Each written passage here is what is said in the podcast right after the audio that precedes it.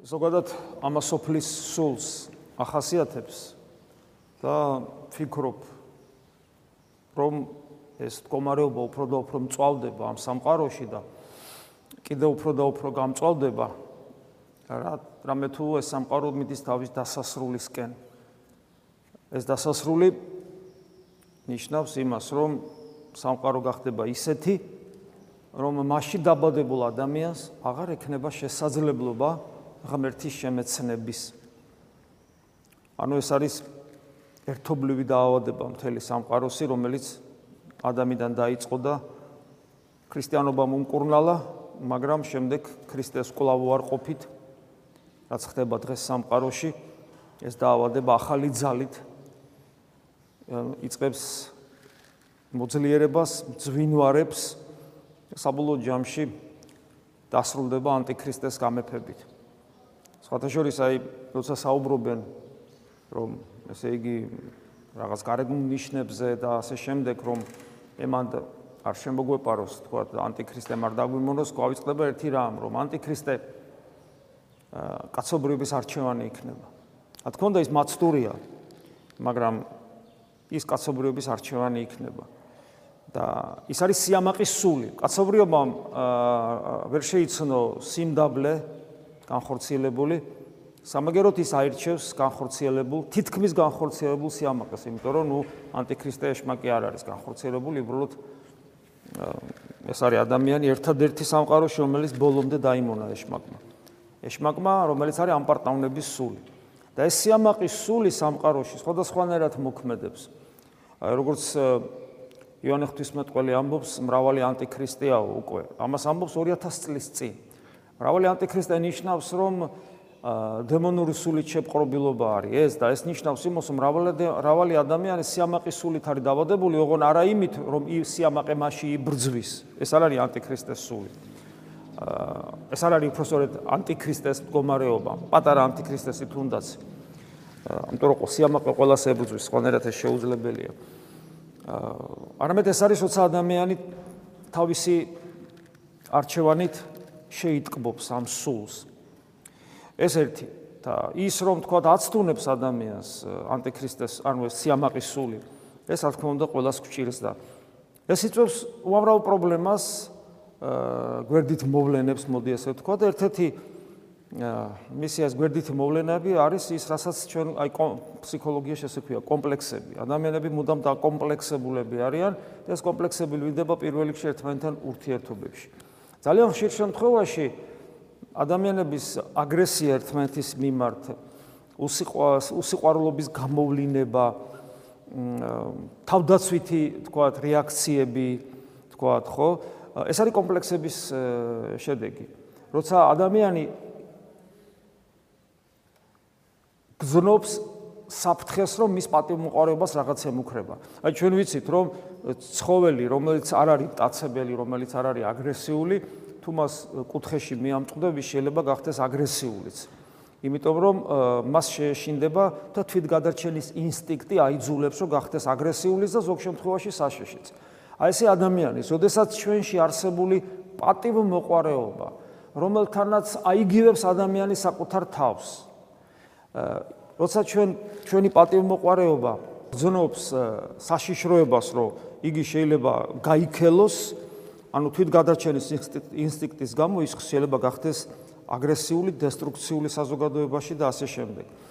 ზოგადად ადამიანებს ჯერ ქვეცნობიერად უჭირთ ქრისტეს მიღება და ხანდახან ცნობიერადაც, მაგრამ ჩემთან აი მამა იოსები არის, ყოველ შემთხვევაში ღვთლებს ეს გამოცდილება გვაქვს და ხშირად ადამიანები მოდიან, რომლებიც პირდაპირაც კი ამბობენ, რომ იცი რა ქრისტიანული ცხოვრება კი მოსწონთ, ქრისტიანობა კი უნდათ, უნდათ რომ ეკლესიაში იყვნენ, მაგრამ აბა ეს ცხოვრება ხომ არის გადაულისმა და როგორ უნდა მოხდეს, რომ ქრისტიანობა გვასწავლის თავდაბლობას, მორჩილებას, მტრის სიყვარულს, მარჯვენა ლოყის მიშვერას და აბა რანერად გამოვა ეს ცხოვრება ეგეთი თქო გადაგივლის და დამთავრდა, ხო? აი ესე და ადამიანებს ასე დროს ლოგიკურად ძალიან ძნელია აუხსნა, რომ ქრისტიანობაში ეს ასე არ ხდება. მე ხშირად მომყავს ხოლმე მაგალითები ძალიან დიდი ქრისტიანების, რომლებზეც ვერავინ იტყვის, რომ მათ ცხოვრებამ ის გადაქელა ისინი ცხოვრება, მან რა ვიცი, ხშირად დავით აღმაშენებლის მაგალითი მომყავს, რა ვიცი, საერთოდ ქრისტიანთა ისტორიას რო წაიკითხავთ მოწამეთა ისტორიას, ჩვენ ხედავთ საოცარ სიმამაცის და გმირობის მაგალითებს. ხო, უბრალოდ ლოგიკურად ახსნა იმისა, რომ თავდაბლობა, მორჩილება და მტრის სიყვარული არის ძალა და არასისუსტე. ლოგიკურად ამის ახსნა ძალიან რთულია. ხა რატომ არის რთული? განა ცდელობა შეიძლება გქონდეს, რა თქმა უნდა და აუხსნათ ადამიანს, რომ თქვა და ეს ამას იწევს, ეს ამას იწევს, ასე რომ მოიქცევი, ასე იქნება. ნუში შეიძლება უთხრა რომ ასეთ უმექცევი მე ღმერთი დაგეხმარება, მაგრამ ეს ყველაფერი არასწორია ასეთი ახსნა და ამგვარი, იმიტომ რომ ეს არ არის დამაჯერებელი, დამაჯერებელი. იმიტომ რომ ამის ახსნა შეუძლებელია. საქმე იმაშია, რომ მორჩილებაცა და თავდაბლობაცა და მტრის სიყვარულიც ეს არის საფრთხოსულის საფრთხოსულის ანუ ღვთის ენერგია. საფრთხო მადლი, რომელიც მოქმედებს ადამიანში. თუ ღმერთმა არ იმოქმედა ჩვენში, ჩვენ შეუძლებელია გქონდეს ის სიმდაბლე, რა სიმდაბლეზეც ქრისტე გვესაუბრება, შესაბამისად ის სიყვარული ადამიანისადმი და ყველასადმი, მათ შორის მტრისადმი, რაზეც ქრისტე გვესაუბრება და მორჩილების იმგვარი გამოვლინება, რაზეც ქრისტე გვესაუბრება. ანუ ჩვენ როდესაც თქვა ვთილობთ ვიყოთ მორჩილი დაბალნი და გვიყვარდეს მტერნი, ეს ჩვენი არსების წინააღმდეგ კი არ არის მიმართული იმგვარად რომ ჩვენ გავნადგურდეთ. არამედ ეს ჩვენში ღმერთის არსებობა არის. ერთ-ერთი ღვთისმეტყველი ესე ამბობს რომ როცა ადამიანი როცა ქრისტე როცა საუბარია ტრის სიყვარულზე და პავლე მოციქულის სიტყვები რომ მოვი გამოვიყენოთ ბოროტებას წინ აღუდგებით მე კითხვას ვავს რომ რა უფლება შეიძლება კონდეს ადამიანს რომ ბოროტებას წინ არ აღუდგეს ბოროტებას არ აღუდგების და გადაქელავს თლიანად, ხო? მაგრამ მე ამბობს, რომ ეს უფლება კი არა, ეს ძალმოსილება, ძალმოსილება. აა ესე იგი ადამიანს სტრეს სიყვარულის ძალმოსილება თავად ღმერთმა მისცა. იმიტომ რომ როდესაც ადამიანი ქრისტეს სათნოებას აღასრულებს, მაშინ ღმერთი მოქმედებს. ამ ადამიანის მიერ ღმერთი მოქმედებს ამ სამყაროში. ამიტომაც როცა ჩვენ საუბრობთ სიმდაბლეზე, ვერ ხსნით მას რა იგი ჩვენ გამოცდილებით უნდა გავითავისოთ თუ რას ნიშნავს ეს. რა თქმა უნდა მუდმივი განცვიფრებაც ახლა ახლდეს უნდა ამას რომ აი უბრალოდ ის სიდიადე რასაც რასაც ღმერთი წარმოადგენს და ის მდგომარეობა რა მდგომარეობაში იგი მოვიდა. აი ხა მაგალითად ჩვენ უყურებთ და ხაც და ხედავთ, ვიცით, ჩვენი წმენა გვეუბნება ამას, ხო? თუ ეს არ აქვს, ჩვენ ხო ქრისტიანები არა ვართ. თუ ქრისტიანები ვართ, გვწამს, რომ ადამიანი, რომელიც არის გამოსახული ხატზე, ესე იგი, როგორ მეორე ადამიანის წინაშე, რომელიც დედაა მისი, მაგრამ, ნუ, აი როგორ როგორ იმდაბლებს თავს, როგორ როგორ როგორ გამოხატავს თავის დედაშვილობასაც, მორჩილებასაც, სიყვარულსაც, ჩვენ ხო შეგშურდება აი ამგვარი სითბოც მორჩილებას და სიმდაბლეს. უნდა საკუთარი მშობლის მიმართ. აღარ ვლაპარაკობ ყველა ადამიანთან ესე უნდა ვიყო და ქრისტე ყველა ადამიანთან ესე იყო. აქ უბრალოდ დედის კალთაში უდევს თავი მის ხელს ესე ლოყაზე იდებს მაგრამ ვიცით რომ მოციქულებს ფეხები დაბანა.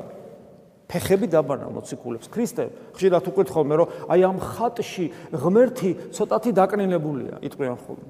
და ფეხებს რობას იქ როგორ არის საქმე? თავში რო ურტყავენ, იქ როგორ არის საქმე? რო აფურთხებენ, იქ როგორ არის საქმე? ეს ანგელოზი რო აძლიერებს ლოცვის დროს გეციმანის ბაღში იქ როგორ არის საქმე? გესმით? ამიტომ უბრალოდ სახარებაზე ვერაფერს ვერ იტყვის ადამიანი, მაგრამ რაღაც ახალი გამოსახულება რო გამოშთა, სადაც სიმდაბლე ძალიან ლამაზად არის გამოხატული და ძალიან ბუნებრივად, ძალიან ბუნებრივად იქ რაღაც ჩვენი ჩვენში არსებული სიმდაბლის მიუღებლობა, საფრთხო სიმდაბლის მიუღებლობა ამბოხდება ხოლმე, რომ აი აქ რაღაც რო რა. კი არ უნდა ამბოხდეს ჩვენი შინაგანი სამყარო ქრისტეს უკიდურესი დამდა დამ თავ დამდაბლების გამო, არამედ გაოგნდეს, გაოცდეს, დადუმდეს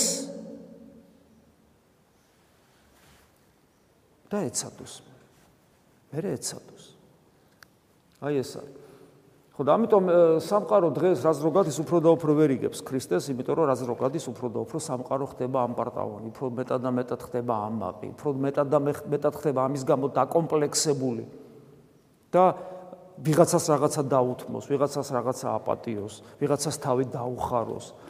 ეს ეს მას აღარ შეუძლია სამყაროში ეს უკვე ჭირს, იმიტომ რომ თulis რომ ეს არის სისუსტე. სისუსტე. ამიტომ ხშირად сахарებაში სიტყვებიც არ ესმითხობენ, მგონი ადრეს გითხარით, რომ ესე იგი, როცა ქრისტე ხას უსავს, რომ ის მამის ნებას აღასრულებს. და როცა ამბობს, რომ мама ჩემზე დიდია და ეს ხშირად აღიქმება ხოლმე, რომ აი ძე ღმერთი არ არის ღმერთი. ანუ ის რომ ერთი პირი, მეორე პირი, ერთი პერსონა მეორე პერსონას პერსონასად მორჩილებას გამოხატავს, აი მორჩილება სისუსტეთ არის აღქმული. ესე აზროვნებს ადამიანს. მაგალითად მეგობრობაში აი ორი ადამიანი თუ მეგობრობს თქვათ რომელი უფრო ძლიერი მეგობარია რომელიც მეორეს მორჩილებს მორჩილებს და მის მის ხასიათ ნიუანსებს ითვალისწინებს იგივე ოჯახში ცოლქმრობაში რომელი უფრო უპირატესია ცოლქმრიდან რომელიც სულ თავის ეგოისტური მისწრაფებები და ამპარტავნებით და თავის თავის გატანით ცხოვრობს თუ რომელიც მორჩილებს მეუღლეს შეგნებულად სიყვარულისათვის, მშვიდობისათვის, ერთობისათვის, ვინ უფრო დიდია? ესე შევაფასო. ამიტომ მორჩილება და სიმდაბლე ეს არის ღირსება, ეს არის გმირობა, ეს არის ვაშკაცობა, ეს არის სიმამაცე, ეს არის სიყვარული, იმიტომ რომ საფრთხოთვისება. და ხოლო ნამდვილი მორჩილების გამოვლენის და აღსრულების უნარი მხოლოდ მაშინ გვექნება, როდესაც ჩვენში ღმერთი იქნება, როცა ჩვენ ღვთის ტაძარი გავხდებით. ასე რომ კომპლექსებს იწევს არა ის როგორც დღეს ამბობენ ხოლმე ფსიქოლოგები, რომ ადამიანს საკუთარ თავზე ძალიან დაბალი წარმოდგენა აქვს. ესეთებიც არსებობს, რა თქმა უნდა. ადამიანს ქრისტიანს საკუთარ თავზე სულაც არა აქვს ძალიან დაბალი წარმოდგენა. კი, ის ქრისტიანი აღიარებს, რომ ის არაფრისაგან შექმნილია, რომ ის ღმერთის გარეშე არაფერია, მაგრამ სამაგიეროდ ქრისტიანი იმასაც ქრისტიანს იმისის სამს, რომ ღმერთთან ერთად ყველაფერია. ღმერთის გარეშე არაფერი ვარ. ცოდვის გარდა არაფერი ვარ. აბსოლუტურად არ არა ვარ, მაგრამ ღმერთთან ერთად ყველაფერი ვარ. თავად ღმერთის შვილი ვარ. ნახეთ როგორი რაღაცა უკიდურესი პოლუსებია. და ჩემზე არის დამოკიდებული რომ მე რომელი პოლუსისკენ გადავიხრები, არარაობისკენ და მარადიული სიკვდილისკენ თუ განღმრთობისკენ. უფალმა ამის თავისუფალი არჩევანის შესაძლებლობა მე მომცა. მაგრამ პარადოქსი ის არის, პარადოქსი ის არის, რომ ზეაღმავალი არჩევანი სიმდაბლეს უკავშირდება. ხოლო მარადიული სიკვდილი სიამაყეს უკავშირდება. და ეს პარადოქსი, პარადოქსი ვერ არის გარკვეული ადამიანის მიერ. ამიტომ თანამედროვე ადამიანებს ძალიან გვიჭირთ ვიყოთ ქრისტიანი. შეგვეციოს უფალი იმ დიდ საიდუმლო სათნოებაში რომ განვისწავლოთ, რასაც სიმდაბლე ქვია.